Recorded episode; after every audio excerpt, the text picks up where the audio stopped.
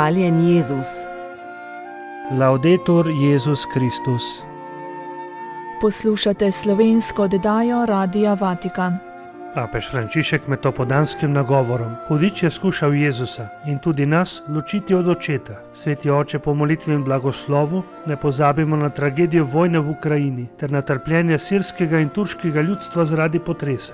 Papež si je ogledal film Svoboda v plamenih, boj Ukrajine za svobodo. Danes in v prihodnjih dneh bomo prisluhnili oddaji potovanja srca s papežem Frančiškom ob deseti obletnici pontifikata. Cari fratelli e sorelle, buongiorno. Dragi bratje in sestre, dober dan. Il Vangelo di questa prima domenica del Quaresima ci presenta Gesù nel deserto tentato dal diavolo. Evangelij te prve postne nedelje nam predstavlja Jezusa v puščavi, ko ga skuša hudič. S temi besedami je papež Frančišek začel nagovor pred opodansko molitvijo Angel Gospodov z okna apostolske palače na trgu svetega Petra na današnjo prvo postno nedeljo. Diavolo significa divisore. Hudič pomeni tisti, ki ločuje. Njegovo ime nam pove to, kar on počne, torej ločuje. Skušanjem Jezusa si ravno to zada, da loči.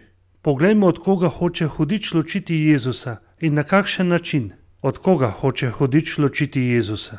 Malo preden je prijel krst od Janeza v Jordanu, je oče Jezusa imenoval moj ljubljeni sin in sveti duh se je spustil naden v obliki goloba. Evangelij nam tako predstavi tri božje osebe povezane v ljubezni. Jezus sam bo rekel, da je prišel na svet, da bi tudi nas napravil deležne te enosti med njim in očetom. Hudič pa počne ravno nasprotno. Stopi na prizorišče, da bi ločil Jezusa od očeta in ga odvrnil od njegovega poslanstva edinosti za nas. Hudič vedno ločuje. Sedaj pa poglejmo, na kakšen način skuša ločiti Jezusa. Hudič hoče izkoristiti Jezusovo človeško pogojenost, saj je slaboten, ker se je 40 dni postil in je lačen. Zlobec torej skuša van unesti tri močne strupe, da bi ohromil njegovo poslanstvo edinosti. Ti strupi so navezanost, nezaupanje in oblast. Najprej je strup navezanosti na stvari, na potrebe. S prepričljivimi razlogi skuša hudič vplivati na Jezusa. Lačen si, zakaj se moraš postiti? Prisluhni svoji potrebi in jo poteši, saj imaš pravico do nje in tudi oblast. Spremeni kamenje v kruh. Takšna je prva skušnjava. Sledi drugi strup, ki je nezaupanje. Si prepričan, potika hudič, da ti oče želi dobro, preizkusi ga, izsiljuj ga. Vrzi se dol z najviše točke templja in daj, da bo storil to, kar ti hočeš. In končno oblast. Svojega očeta ne potrebuješ. Zakaj čakaš na njegove darove? Pojdi za kriterij sveta, vse vzemi sam in boš mogočen. To so tri Jezusove skušnjave. Tudi mi vedno preživljamo te tri skušnjave. Grozno, kaj ne da. Ampak ravno tako je tudi za nas.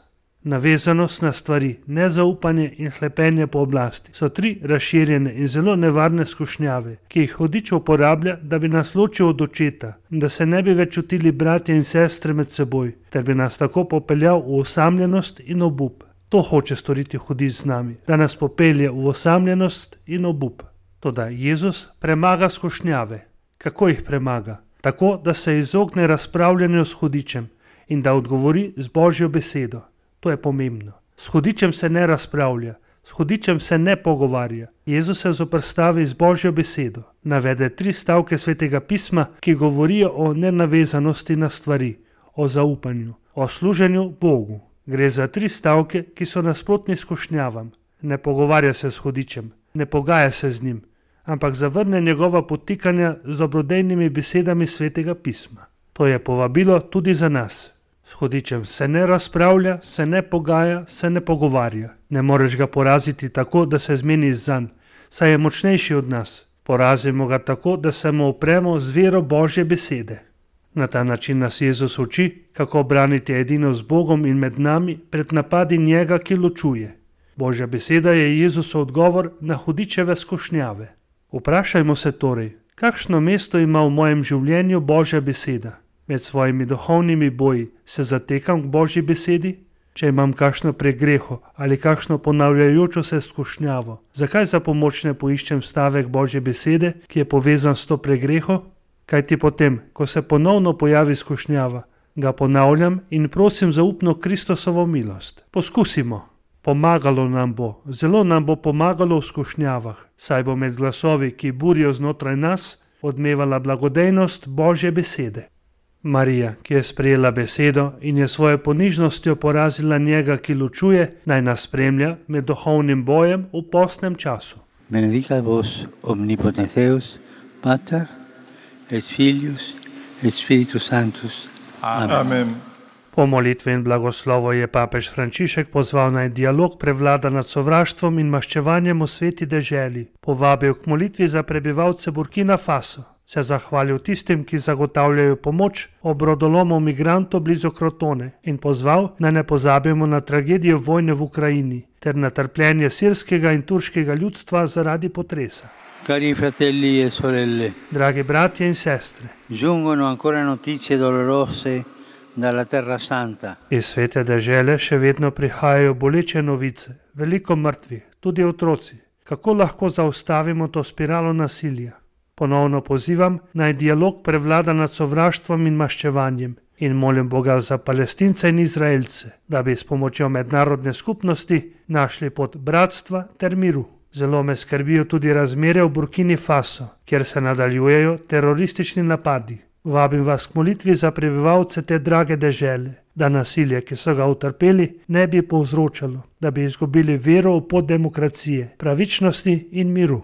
Danes zjutraj sem z bolečino izvedel za brodolom, ki se je zgodil na kalabrijski obali, blizu Krotone.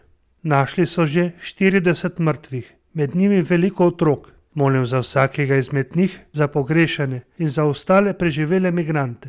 Zahvaljujem se tistim, ki so zagotovili pomoč in tistim, ki jih bodo sprejeli. Naj Marija podpirate naše brate in sestre.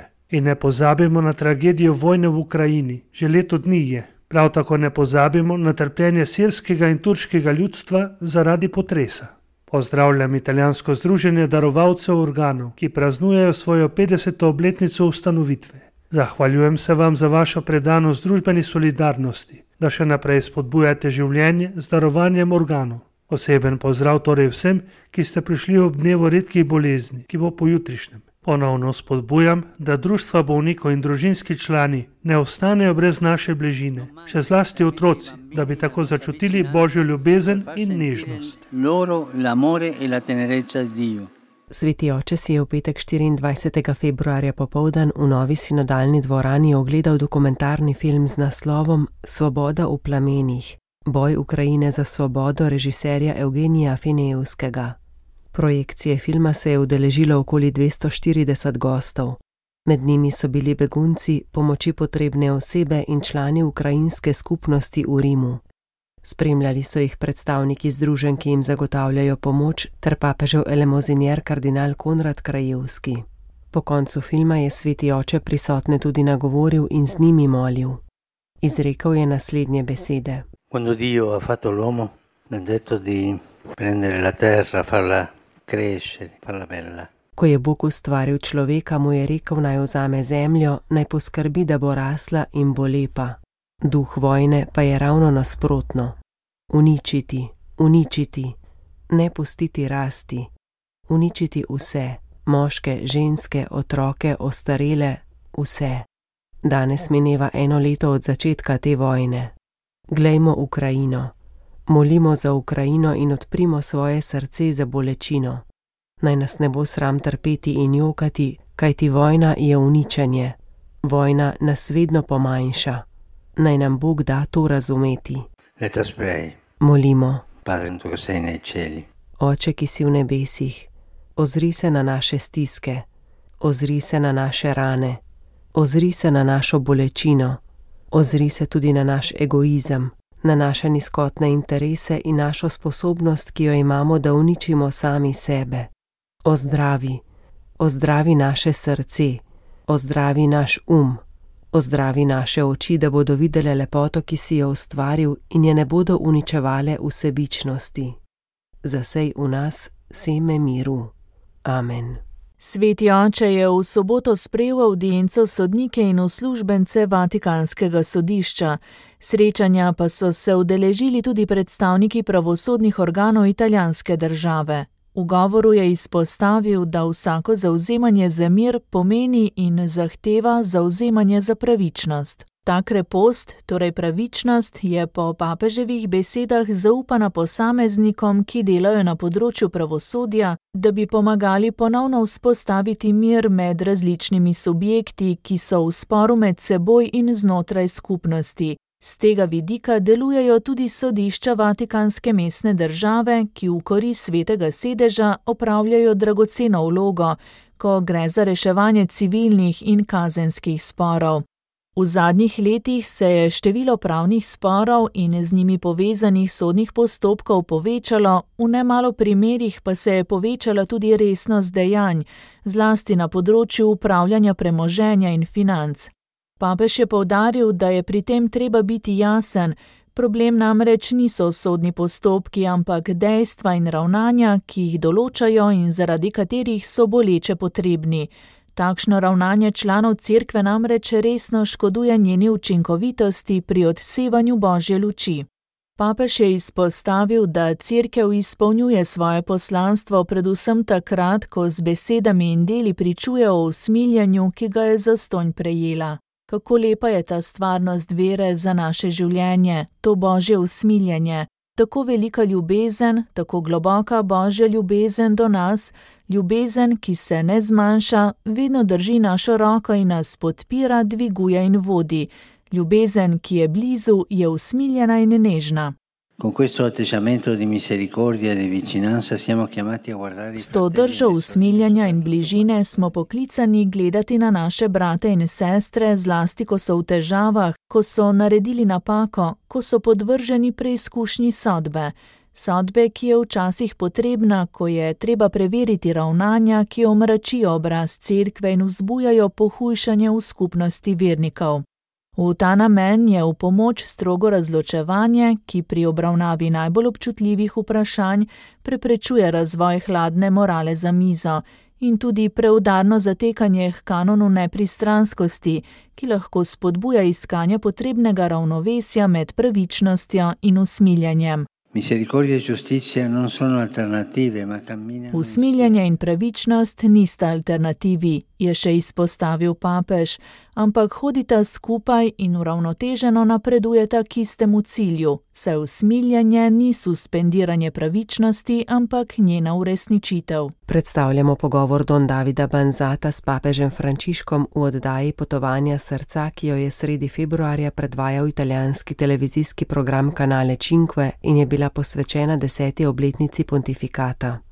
Sveti oče je spregovoril o svojem življenju, pa tudi o aktualnih dogodkih v cerkvi in v svetu. Don Davide je v vodu pojasnil, da se oddaja imenuje Potovanje srca, saj želi ljudem pomagati odkrivati kraje, ki so bogati z lepoto, umetnostjo, zgodovino in kulturo, pa tudi odkrivati bogatstvo vere, molitve in duhovnosti. Voditelja je najprej zanimalo, kateri so tako imenovani kraji srca papeža Frančiška. Sveti oče je dejal, da je pri tem pomembno hoditi po poti, ki je zelo človeška in je ne smemo pozabiti. To je pot spomina. E Spomin je človeška milost, je pa tudi božja milost. Spomin je potrebno gojiti. V svetem pismu je veliko krat zapisano: Spominjaj se, spominjaj se in ne pozabi, odkot si bil vzet. Davidu je bilo naprimer rečeno: Ne pozabi, da si bil vzet iz črede. Zdaj si kralj, a bil si vzet od tam. Ne pozabi tega. Milost spomina nas vodi k koreninam naše sedanjosti. Obstajajo pomenljivi kraji spomina, osebe, ki so zaznamovale naše življenje. Zato so potovanja srca. Potovati je dobro. Vendar pa obstaja nevarnost, na katero smo v življenju že vsi naleteli. To so slabe stvari, zaradi katerih smo trpeli obstaja bolezen, da se oklepamo življenjskih neuspehov in to ni dobro. Prav je, da se spomnimo slabih stvari, vendar pa se zahvalimo Gospodu, da nam je pomagal, da smo se jih rešili. Ne ostajajmo pri njih, saj je to bolezen, navezanost na neuspehe, na slabe stvari. In na tej poti spomina sem popolnoma prepričan, da me je Gospod spremljal. Vedno, tudi v najtemnejših trenutkih. Zato pravim: spominjajte se. Avtor pisma Hebrejcem pravi: Spominjajte se prvih časov. Spominjajte se tistih, ki so vam predali vero. Spominjajte se, spominjajte se. In ne pozabi, da si bil rešen. Ne pozabi. To je greh samozadostnosti. Tisti, ki pozabijo na pot in mislijo, da so se rodili vsemogočni. Vsi smo grešniki. In morda lahko nekdo stori zelo slabe, zelo grde stvari. Ustavi se, bodi miren. Gospod je večji od teh grdih stvari. In spomin ti prav tako pomaga ustati. To so zelo lepa potovanja srca, spomin na celotno življenje, na toliko ljudi, ki so ti pomagali rasti, stari starši, starši, bratje in sestre, veliko prijateljev in tudi kakšen sovražnik, zaradi katerega si malo trpel. Vendar pa se vedno spominjaj. Spominjaj se, kako te je Gospod spremljal. Don Davide je dejal, da je papeževih potovanj veliko in so različnih vrst. Ob tem je spomnil na potovanje, med katerim je pred kratkim obiskal tudi eno izmed sorodnic. Ko je šel oče v Argentino, je tukaj ostalo šest bratrancev in sestričen, in najstarejša je praznovala 90 let. Vedno smo bili v dobrih odnosih. Ali je kdo izmed njih prišel v Argentino, ali pa smo šli mi k njim. Tudi jaz sem vedno, kadar sem prišel v Rim, skočil v Torino, da sem jih pozdravil, saj je med nami veliko prijateljstvo tudi to je potovanje k koreninam. Meni to dobro dene, saj je tvoja kri zgodovina. Tvoje življenje je zgodba, ki prihaja od daleč, od starih staršev, ki so obdelovali zemljo v tistem vinogradu. Tokrat sem šel prvič v Asti. Vedno sem hodil v Torino, kjer so živeli, sedaj pa so se preselili v Asti in zato sem šel tja. V nadaljevanju je voditelj oddaje Potovanje srca svetega očeta vprašal, kaj za njega pomeni poslanstvo, ki ga ima kot Petrov naslednik. Ubogi Petr, kakšnega naslednika je dobil? Nikoli si nisem predstavljal česa takega. To je božja milost. Ko sem bil izvoljen za papeža, sem si rekel: Dobro, zamenjam škofijo iz Buenos Airesa v Rim. To se mi zdi nekaj naravnega.